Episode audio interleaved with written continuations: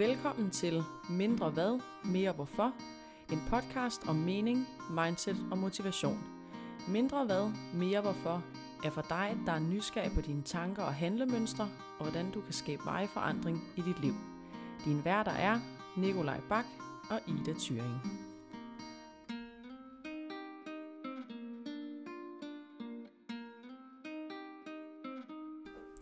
Velkommen til Mindre Hvad, Mere Hvorfor. Mit navn det er Ida Thyring.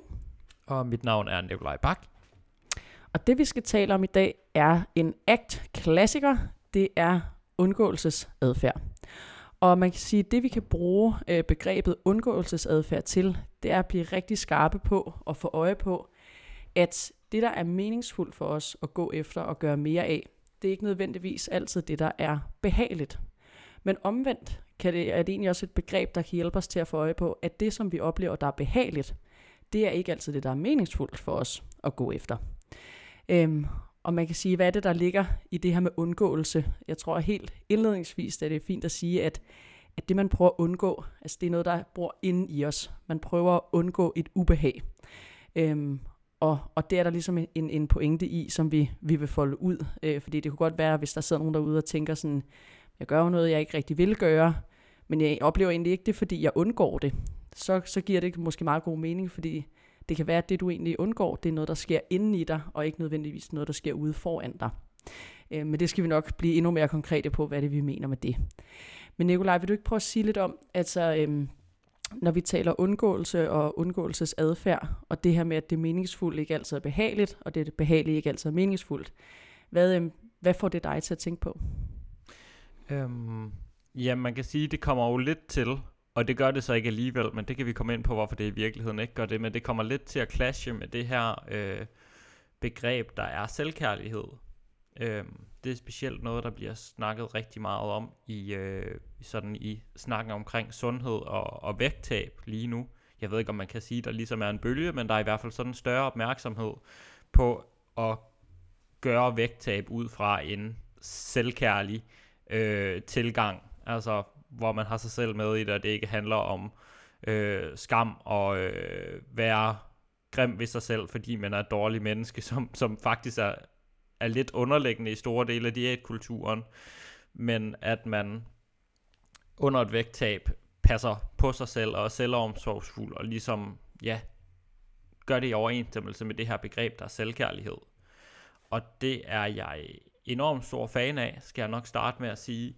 Øhm, men med så meget andet, så bliver det et øh, problem, hvis det er noget, der kommer til at fylde så meget, eller særligt hvis det bliver øh, grebet an på en unuanceret måde. Fordi man kan, man kan let komme til at tænke, at, øh, at det at være selvkærlig, det handler om hele tiden at være god ved sig selv i form af at gøre det, man har lyst til. Og hvis man tænker sådan på det, jamen så går det jo meget op imod det her, øh, den her tanke om, at jamen, det behagelige, det der føles behageligt, er ikke altid den rigtige vej at gå, og nogle gange skal du gå den vej, der føles ubehagelig.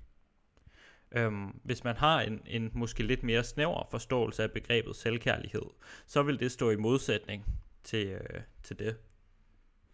Ja, det, jeg, får, jeg kommer sådan til at tænke på, eller, eller i forhold til det, du siger, så får jeg tanken om, at, at selvkærlighed er jo en værdi. Altså selvkærlighed øh, tænker jeg ikke som sådan en liste af prædefineret adfærd. Altså for eksempel øh, det at tage til træning, eller det at spise noget rart og lækkert, eller det ikke at gøre det, er jo ikke per definition, altså adfærden i sig selv er jo ikke per definition selvkærlig. For nogen kan det være en selvkærlig handling, for nogen kan det være, at det ikke er det, men for det samme menneske kan den samme adfærd i nogle situationer være selvkærlig, og i nogle situationer ikke være selvkærlig.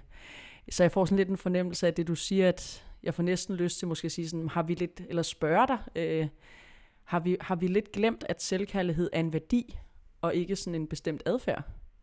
Altså det kan man jo, det kan man let komme til øh, igen, hvis vi siger, at man, man måske kommer til at få en lidt sort-hvid opfattelse af det her begreb, eller det sådan, det bliver fremstillet for en, jamen så kunne man godt forestille sig, at der var sådan en, en sort-hvid liste af øh, selvkærlige handlinger og ikke selvkærlige handlinger. Øhm, det synes jeg jo generelt er et, er et stort problem i visse dele af, af, af vægttabsdebatten, eller måske endda den, den del af sundhedsdebatten, der siger, at man kan slet ikke tabe sig selvkærligt. Det er en helt anden historie. Øhm, men, men man kan let få sådan en sort-hvid opfattelse af, at, som du siger, det er nogle specifikke handlinger. Nej, vi kan, vi kan godt handle selvkærligt, men om vi gør det eller ej, det handler rigtig meget om, om de handlinger er i overensstemmelse med vores værdier og hvad der er meningsfuldt for os. Mm. Og som du siger, i en kontekst, så kan den samme handling faktisk både være, være selvkærlig, og den kan ikke være det. Mm. Hvis jeg skulle prøve at komme med et eksempel, øhm, så kunne man sige, det at jeg måske tager op og træner en dag, hvor jeg ikke har lyst til at træne, det kan sagtens være selvkærligt, fordi at øh, jeg ved, at træning øh, fylder en del i mit liv, og er meningsfuldt for mig, og at jeg øh, rent faktisk får et kick ud af at gøre ting nogle gange, øh, faktisk øh, på trods af, at jeg ikke har lyst til dem, men fordi jeg gerne vil.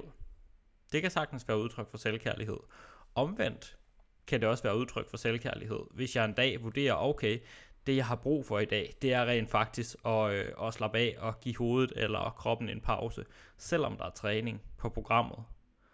Så det at, at skippe en træning, eller sige, jeg tager fandme til træning, selvom jeg ikke har lyst, begge dele kan være fuldstændig øh, selvkærligt. Mm. Så hvis vi skulle, jeg, kan, jeg synes, det er et rigtig godt eksempel, øhm, så, så hvis vi skulle koble det til undgåelsesadfærden, eller måske særligt det, der handler om, at det behagelige er ikke altid øh, meningsfuldt. Kan, kan vi prøve at binde, binde det lidt sammen med det, det, det her perspektiv på selvkærlighed? Mm, ja, helt sikkert. Også fordi vi bliver nødt til at snakke om en handling, der måske føles ubehagelig, eller det at træde ind i, træde ind i ubehaget. Og så, øh, og så det her indre ubehag, vi kan mærke. Det kan i hvert fald føles som to forskellige ting. Mm. Så det kan godt være det at øh, for eksempel at tage til træning, selvom man ikke har lyst.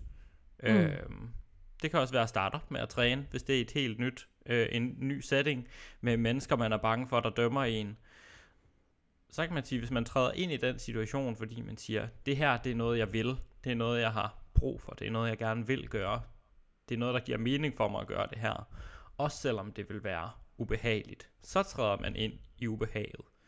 Hvis man derimod siger, at det her kan jeg ikke, eller faktisk bruger begrebet selvkærlighed som måde at legitimere undgåelsesadfærd på, så skal man også sige, så kan det også være, at man siger, ah, men jeg skal, også, jeg skal også passe på mig selv, og jeg skal også være god ved mig selv, og jeg ved, det her, det kommer ikke til at føles helt vildt godt, så det skal jeg nok lade være med, fordi mm. jeg er ikke selvkærlig, hvis jeg gør noget, der ikke føles rart.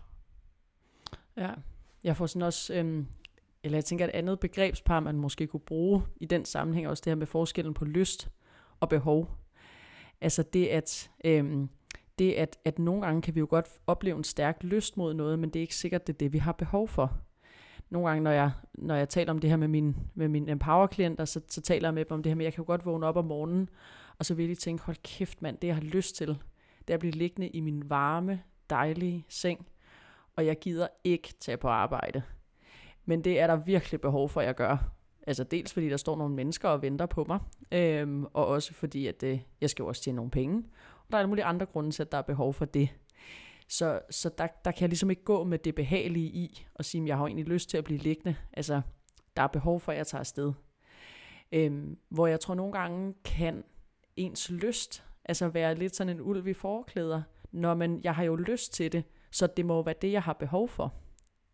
Altså man kommer til sådan lidt at navigere efter det, eller tale det sammen, eller sådan, ikke? Så det at kunne adskille de to ting, tænker jeg. På den anden side kan man sige, hvis, hvis du både har lyst til at tage til træning, og der også er behov for det, så er det jo det bedste. Så det er ikke fordi, at det aldrig går hånd i hånd.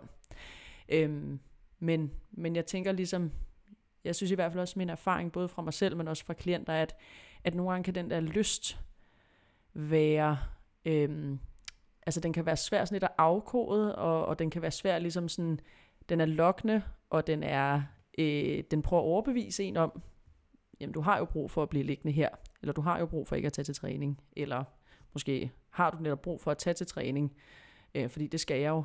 Øh, så, så, så på den måde kan den også være sådan lidt, lidt, lidt svær, tror jeg måske for mange at navigere i, fordi den føles jo virkelig. Mm. Ja, og jeg tror helt sikkert, der er noget i det her med, at vi kan sagtens, eller vi kan nemt komme til at glemme, at der kan være forskel på, hvad vi har lyst til, og hvad vi gerne vil. Mm. Fordi det kan man ofte tænke, det er to sider af samme sag. Men hvad vi har lyst til, det handler rigtig meget om vores impulser lige nu og her. Hvor at det vi gerne vil, det handler meget mere om vores værdier, og hvor vi gerne vil hen, og hvad der er meningsfyldt for os. Man kan sagtens gerne ville træffe et valg, uden det egentlig er det, man har lyst til. Mm. Man kan godt øh, gerne ville gå i en specifik retning, uden at det nødvendigvis er noget, der vil være helt vildt behageligt, eller noget, som man føler den her akutte lyst til, ligesom man kan have lyst til en, øh, en soft ice, eller lyst til at ligge på sofaen, eller hvad det nu er. Mm. Og det er overhovedet ikke, fordi der er noget galt i at gå med sin lyst nogle gange. Det er bare vigtigt, tror jeg, at kunne adskille, hvad er det, der er lyst, hvad er det, jeg gerne vil, og hvad er det, jeg har brug for.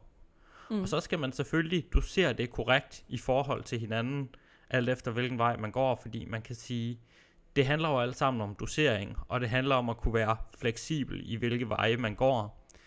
Men hvis man altid går med lysten, og altid går med impulser, hvis vi kun var styret af vores impulser, så vil vi blive sådan væsener, der, øh, der sad og spiste, hvad hedder det, flødeskumskager, og så porno, og øh, drak alkohol hele dagen. Altså det er sådan nogle, det er jo vores impulser. Det, det drifter og, og, og ting, der umiddelbart dukker op, som vi kan få lige nu. Mm. Ja, og der tænker jeg, der begynder vi jo også at nærme os altså det her omkring undgåelsesadfærden. Fordi man kan sige, det her med, når vi går med vores lyst, eller det, der umiddelbart føles øh, mest lokkende, så er det jo ofte fordi, at der på kort bane er en gevinst, og så i nogen sammenhæng, og ikke altid, men i nogen sammenhæng, kan der så på lang bane være en pris, man betaler. Altså, hvis du kan mærke, at du har nogle mål omkring din træning, og du får en lyst til ikke at tage til træning, så, og du bliver ved med at gentage den adfærd, fordi det er sådan et bøvlet, og det er nyt, og jeg kan jo også begynde i morgen, og sådan, så prøver du ligesom at undgå det indre bøvl, der er ved det. Men på lang bane betaler jo du den pris, at måske dels opnår du ikke de mål, du har sat dig for, men du betaler jo også den pris, at du aldrig rigtig finder ud af, eller får en erfaring med, eller opbygger den rutine, du egentlig ønsker dig for din træning. På den, på den anden side kan man sige, det at, det at træde ind i ubehaget, og læne sig ind i, at jamen hvis jeg gerne vil etablere en ny træningsrytme eller en ny træningsrutine, så forventer jeg også, at det medfører bøvl. Altså det er sgu lidt bøvlet, og lidt, der måske skal ned til et nyt træningscenter, og hvordan er det lige, det fungerer med omklædningsrummet her og sådan noget. Så ikke lige aktuelt lige vores, vores tid lige nu, men altså, det, det, der kunne være andre omstændigheder, der gjorde det sådan lidt bøvlet. Så der på, på kort bane, kan man sige, der betaler man en pris. Til gengæld på lang bane skulle du gerne høste den gevinst, at man faktisk får erfaring, med at opbygge den rutine. Man får i det hele taget afsøgt, hvordan fungerede det så for mig. Øhm, den her idé, jeg havde om, at hvis jeg dog bare kan komme i gang med det her, så vil det blive bedre for mig. Du får faktisk en reel erfaring med, øhm, stemmer den over bevisning, øh, stemmer den øh, egentlig med, øh, med virkeligheden. Øhm, så hvad vil jeg sige med det? Jamen altså, jeg tænker sådan, det er det, det, det, der ligesom handler om, om, om undgåelsesadfærden, at det er den det den inviterer os til, og det den giver os, det er jo, at vi bruger noget, der er behageligt, til at undgå et ubehag, men på helt kort bane. Ja, så det er den der funktion, den jo faktisk tjener. Mm. Og det er jo ikke fordi, vi siger, at man, man aldrig skal gå med lysten. Øhm, men en måde, man kan være nysgerrig på, om det vil være øh, hensigtsmæssigt at gå med den eller ej, det kan også være at spørge om, går jeg hen til noget, eller prøver jeg at komme væk fra noget lige nu? Fordi nogle gange, så kan man godt vælge det, man har lyst til, eller det behagelige, fordi det er det, man har lyst til, og fordi det er behageligt. Men det kan også være, at man vælger det, fordi der er noget ubehageligt, man vil væk fra. Og det er helt okay, og selvkærligt også, at sige, om jeg vælger det her, fordi jeg har lyst til det.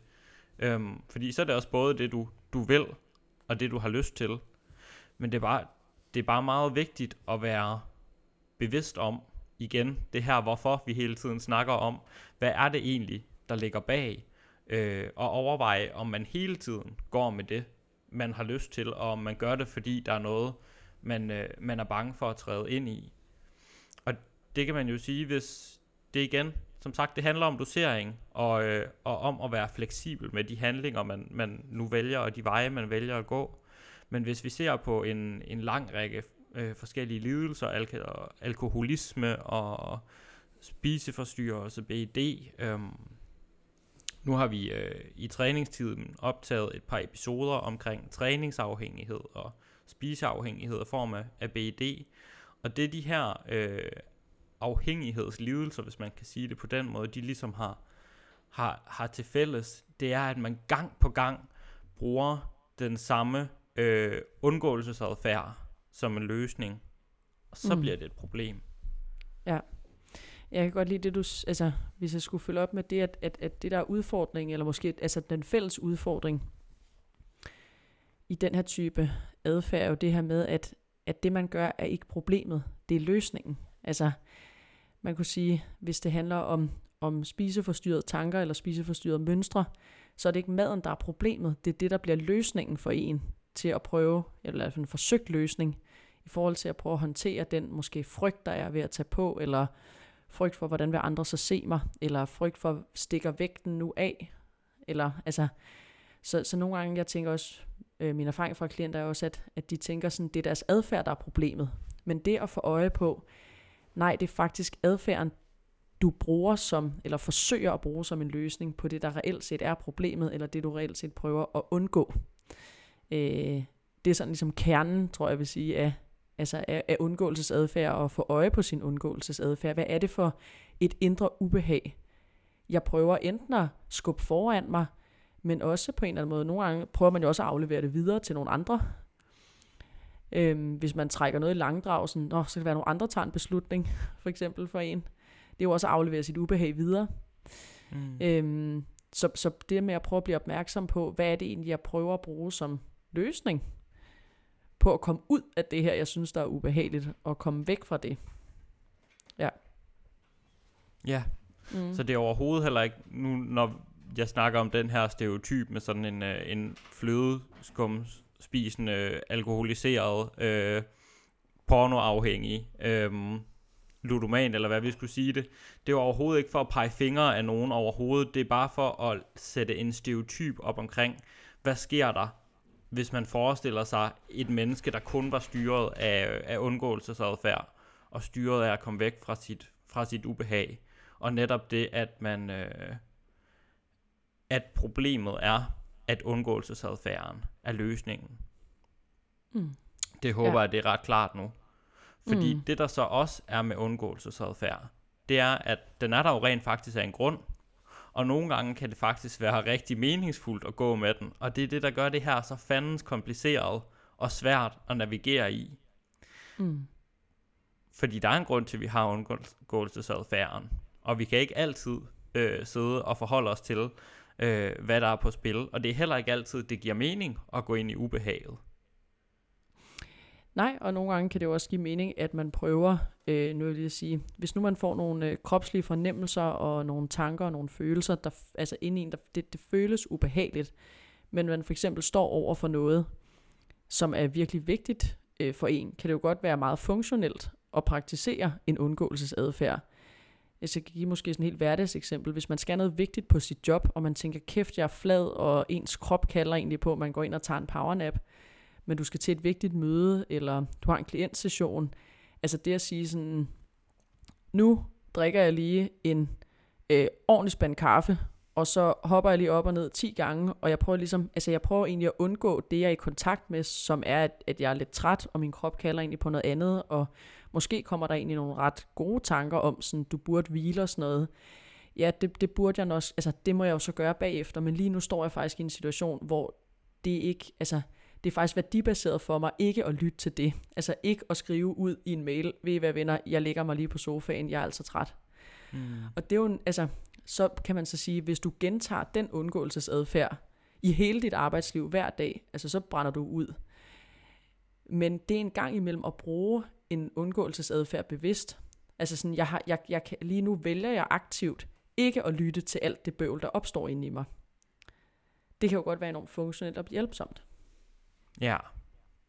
Så hvis man som lytter sidder lige nu og tænker, ej, hvor er det her kompliceret, og hvornår skal jeg gå med min øh, undgåelsesadfærd, og hvornår skal jeg ikke gå med den, og hvornår er jeg selvkærlig, og hvornår bruger jeg selvkærlighed til at legitimisere legitimere, hedder det nok, undgåelsesadfærd, yes.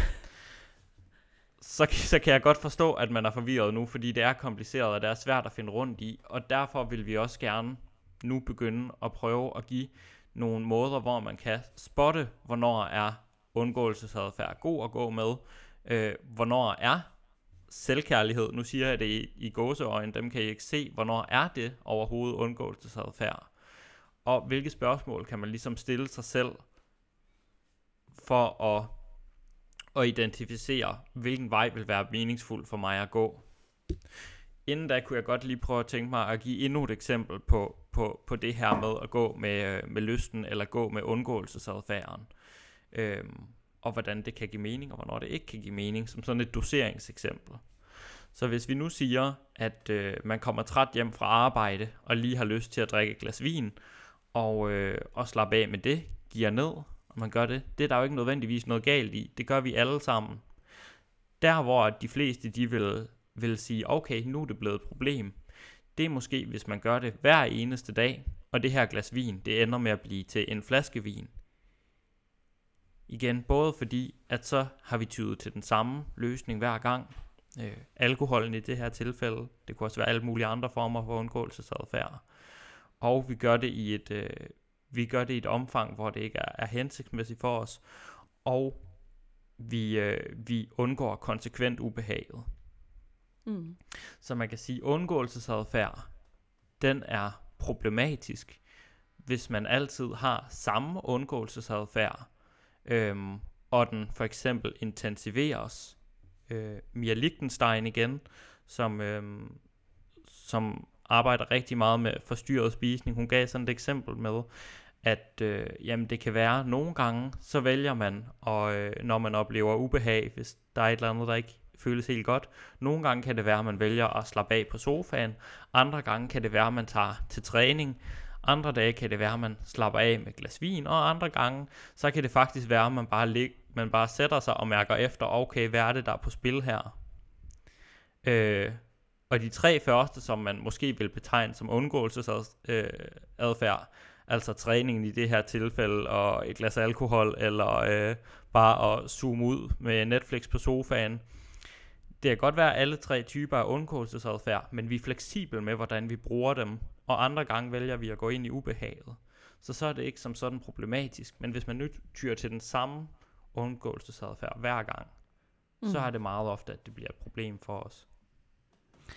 Ja, og, at, ja, jeg kunne godt tænke mig at give et, et, et andet eksempel på det også. Øhm, jeg tænker for eksempel også ind, altså tit i vores relationer.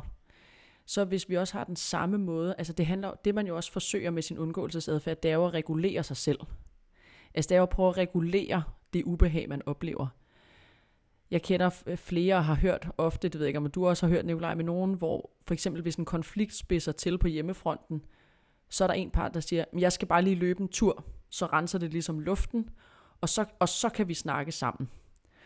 Og det kan jo være, altså, kan man sige, rigtig fint, at man har den strategi, hvis det engang imellem hjælper, at man lige, øh, du ved, pauser den konflikt eller drøftelse, man har, og så er der måske en, der lige tager noget luft. Det kan være, at det er en løbetur.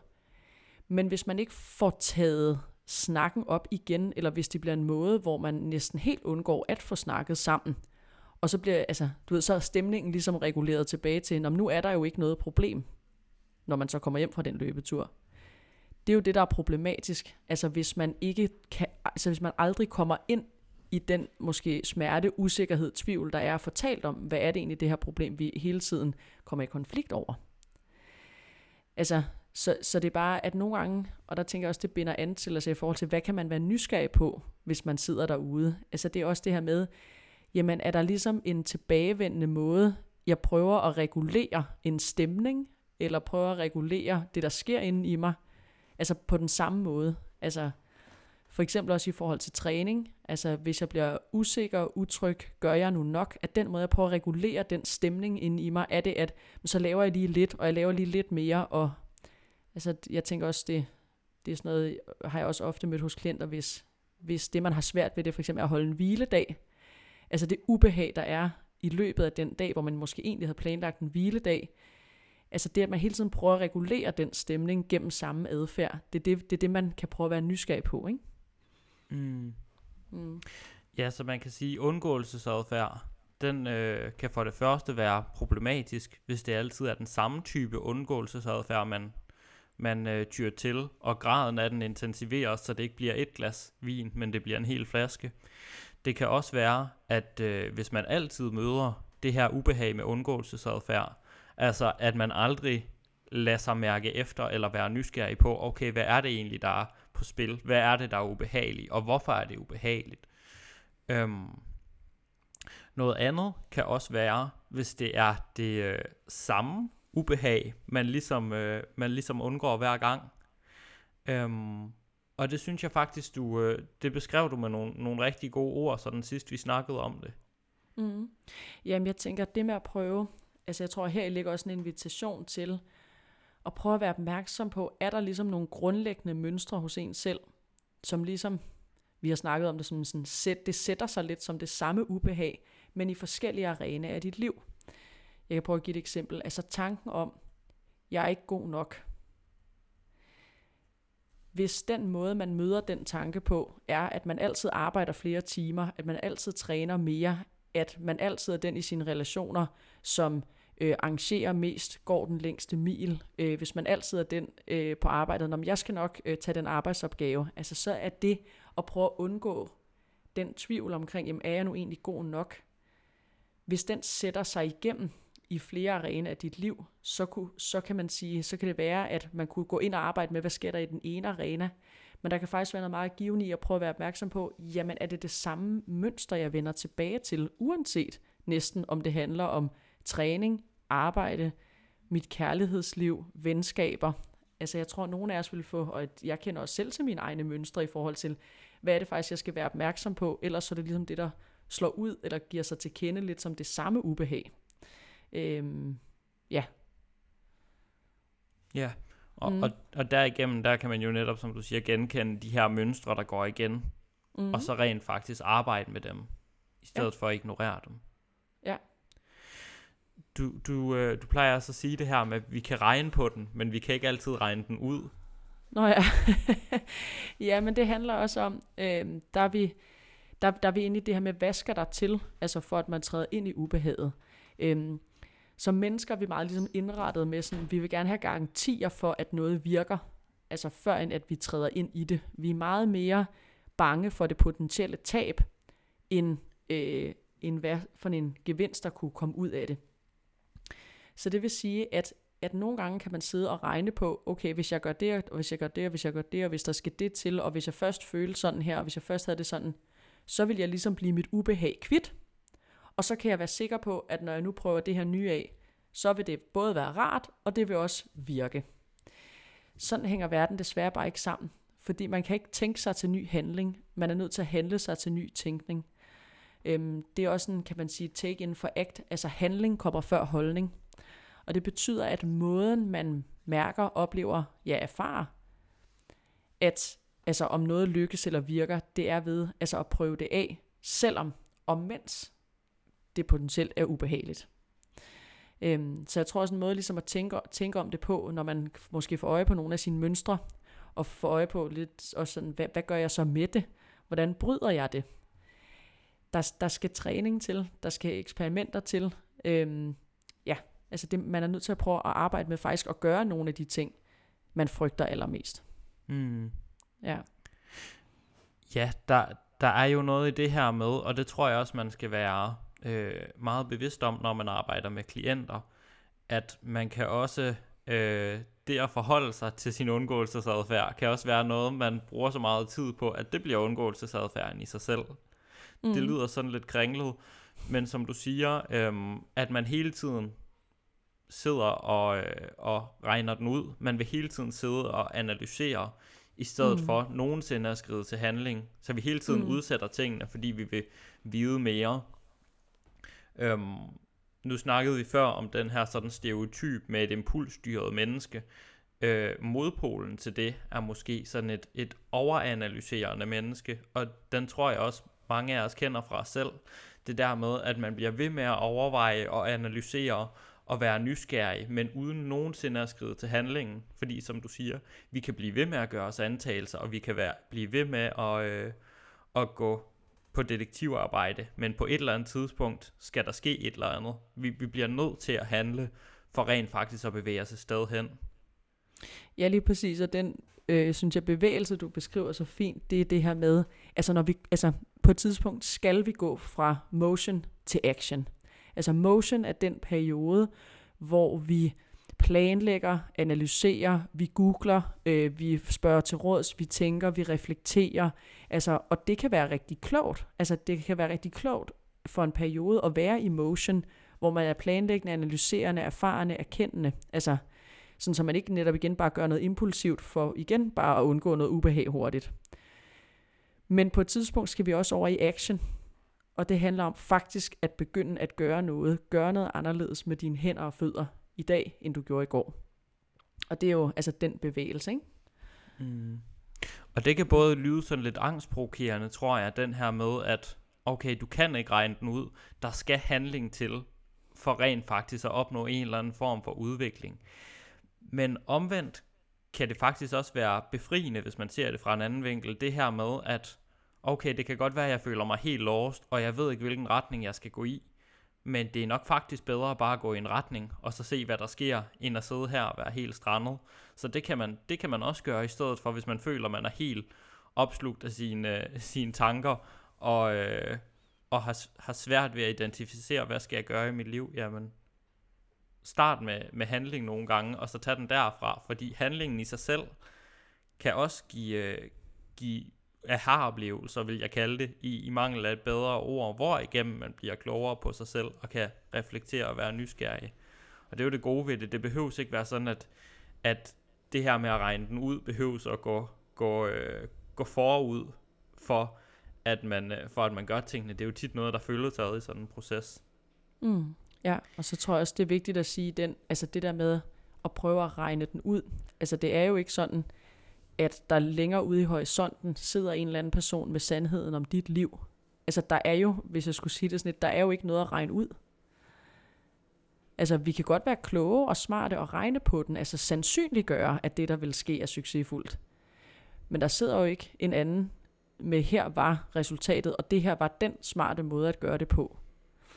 Og jeg mm. tror også, det er det, man, man, man nogle gange måske kan, kan glemme, at sådan, jamen, ja, det, altså, jamen jeg burde da kunne regne den ud. Hvad er den rigtige adfærd? Hvad er den perfekte vane? Hvad er de perfekte træningsrutiner? Hvad er den perfekte kostplan? Jamen altså, det, det sidder der jo ikke nogen andre... Altså, du kan jo ikke rejse til et eller andet fremmed land, og så sidder der en mand inde i en hule med sandheden for dig. Mm-hmm. Ja, så der er ikke på den måde noget at regne ud. Det, det ved jeg ikke, om jeg er sådan lidt, lidt nedslående, men ja, det jo egentlig sådan en... Jeg tror både, ja. det kan være, mm. øh, være nedslående og befriende, mm. alt efter hvilken vinkel man, øh, man ligesom vælger på det. Ja. Jeg synes, inden vi, øh, vi samler op på den her episode med sådan fem gode spørgsmål, du kan, kan stille dig selv i forhold til, øh, til ubehag og undgåelsesadfærd, så, øh, så kunne jeg også godt lige tænke mig at, øh, at bringe en anden pointe øh, på banen i forhold til det her begreb ubehag, fordi nu snakkede vi... Øh, nu snakkede vi om, at det, øh, det behagelige er ikke altid meningsfuldt. Øhm, nogle gange, så kan vi også bruge ubehag til øh, at mærke, at noget rent faktisk er meningsfuldt for en. Øh, og det er ligesom bare sådan en, en anden nuance, jeg synes, der er vigtigt at få med.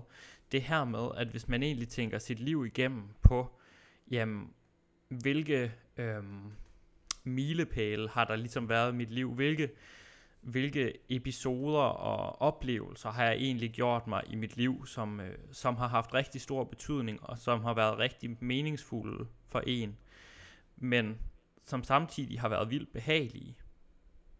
Jeg tror, der er mange, der vil, der vil tænke, at faktisk mange af de vigtigste ting i deres liv, der er sket i deres liv, har været sådan lidt ubehagelige og været forbundet med sådan lidt nervøsitet eller noget på en eller anden måde samtidig. Altså, om det så var øh, den gang, man øh, øh, stillet op til en eller anden konkurrence, eller skrev speciale, eller øh, mødte sin øh, kone, eller kæreste, eller mand, eller hvad det nu er. Altså der, der har ofte været en eller anden slagside af, at der har været noget på spil.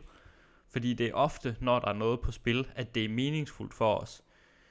Men det er samtidig der, at man også føler den der lille smule øh, sådan ubehag indeni. Og det er helt okay. Mm. Morten Albæk, han har, han har skrevet en bog, der hedder Et liv i en tid, et menneske.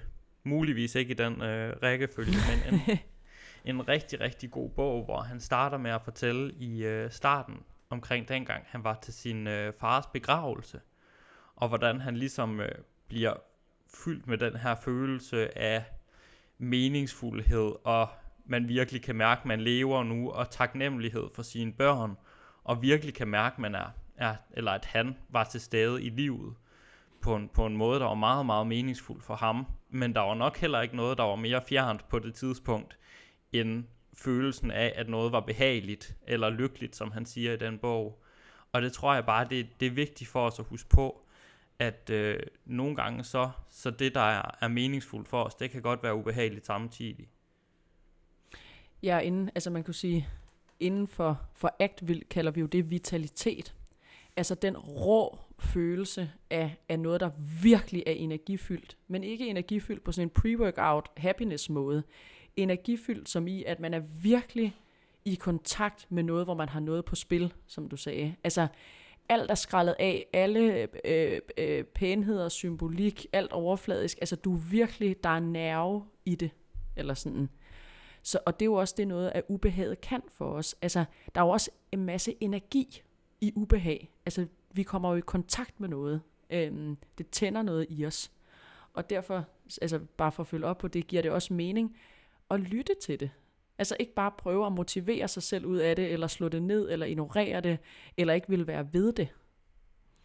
Altså det er meget, meget, det kan være meget, meget informativt og vigtigt at gå ind i sit ubehag, fordi det netop kan bringe dig i kontakt med, hvad er det faktisk, hvad er det faktisk, der er vigtigt for mig. Og så synes jeg i øvrigt, at det du sagde, Nikolaj, med at prøve at kigge tilbage, man kunne prøve at kigge tilbage i sit liv, Hvornår har man faktisk oplevet, at man var allermest i live? Hvor har man oplevet en stor vitalitet? Jamen det giver jo mening, at det har været forbundet med noget. Altså en svær opgave, man har overkommet. Et brud eller en sorg. At man har øh, etableret et nyt kærlighedsforhold, hvor man også satte sig selv helt vildt på spil og var død nervøs for, ved den anden nu også mig? Altså hvor man virkelig har noget på spil. Så man kan også sige, altså hvis du sidder som lytter og tænker, hvordan bliver jeg mit ubehag kvidt? jamen så skal du for det første bare stoppe med at gøre noget, der er svært, og du skal stoppe med at gøre, øh, gå efter noget, der er vigtigt for dig. Altså, så, så kommer du ikke i kontakt med det. Nej. Nej. Og det, det, er lidt, øh, det er lidt hagen ved det hele, det er, at hvis vi, øh, hvis vi prøver at undgå alt vores ubehag, så kommer vi også til at undgå øh, livet, og det, der er, mm. er vigtigt for os i det. Mm. Ja. Så nu er vi ved at være kommet til vejs ende for den her snak, vi har haft i dag. Hvis vi øh, lige skal lave en opsummering på episoden, hvilke fire spørgsmål vil så være gode at stille sig selv ud fra det, vi har snakket om i dag? Altså, øhm, det første spørgsmål, man kan stille sig selv, det er, øh, hvor i mit liv øh, nøler jeg, har vi skrevet. Og det, der ligger altså en opmærksomhed og nysgerrighed på, hvor i mit liv oplever jeg, at jeg længe nok har været i motion, og som jeg ligesom længes efter at tage action på. Så det er det første spørgsmål. Kig sig rundt i sit liv. Hvor er det, jeg gerne vil gå fra motion til action? Så er det næste spørgsmål, man kan stille sig selv. Er der noget, jeg har lyst til, eller er det noget, jeg har behov for? Og også, er det noget, jeg faktisk vil? Det fjerde spørgsmål er, er der noget, som jeg næsten altid undgår? Og det vi er efter her, det vi er på jagt efter her, det er, at der er en bestemt type ubehag, jeg næsten altid undgår. Altså er det tanker om, at jeg er nu god nok, eller er det for eksempel en følelse i kroppen af nervøsitet? Altså er det, er det det samme ubehag, jeg bliver ved med at undgå? Og det fjerde og sidste spørgsmål, det handler om, er der noget, jeg næsten altid undgår på den samme måde? Det vil altså sige nysgerrighed på, hvad er det for en kontrolstrategi, jeg bruger, eller hvad er det for en undgåelsesadfærd, jeg bliver ved med at gentage eller bliver ved med at have. Så det er de, det er de fire spørgsmål, man, man kan prøve at arbejde videre med selv. Og øhm, det rundede jo faktisk den her øh, snak af rigtig fint i dag. Det var, øh, det var som altid en, øh, en rigtig god snak, synes jeg. Og hvis øh, du, kære lytter, har øh, nyt at lytte med, så må du som altid gerne sende os øh, 14 millioner. Eller du kan gå ind og øh, skrive en anmeldelse på iTunes eller i din øh, podcast-app. Det bestemmer du selv. Ja, det kan jo også være en både og. Ja, lige præcis. Ja. Lige præcis. Eller 10 millioner, det er også helt okay. Man kan jo godt være lidt fleksibel. Ja. ellers så tror jeg bare, at vi vil sige uh, tusind tak, fordi I lyttede med, og tak for snakken, Ida. Tak for i dag.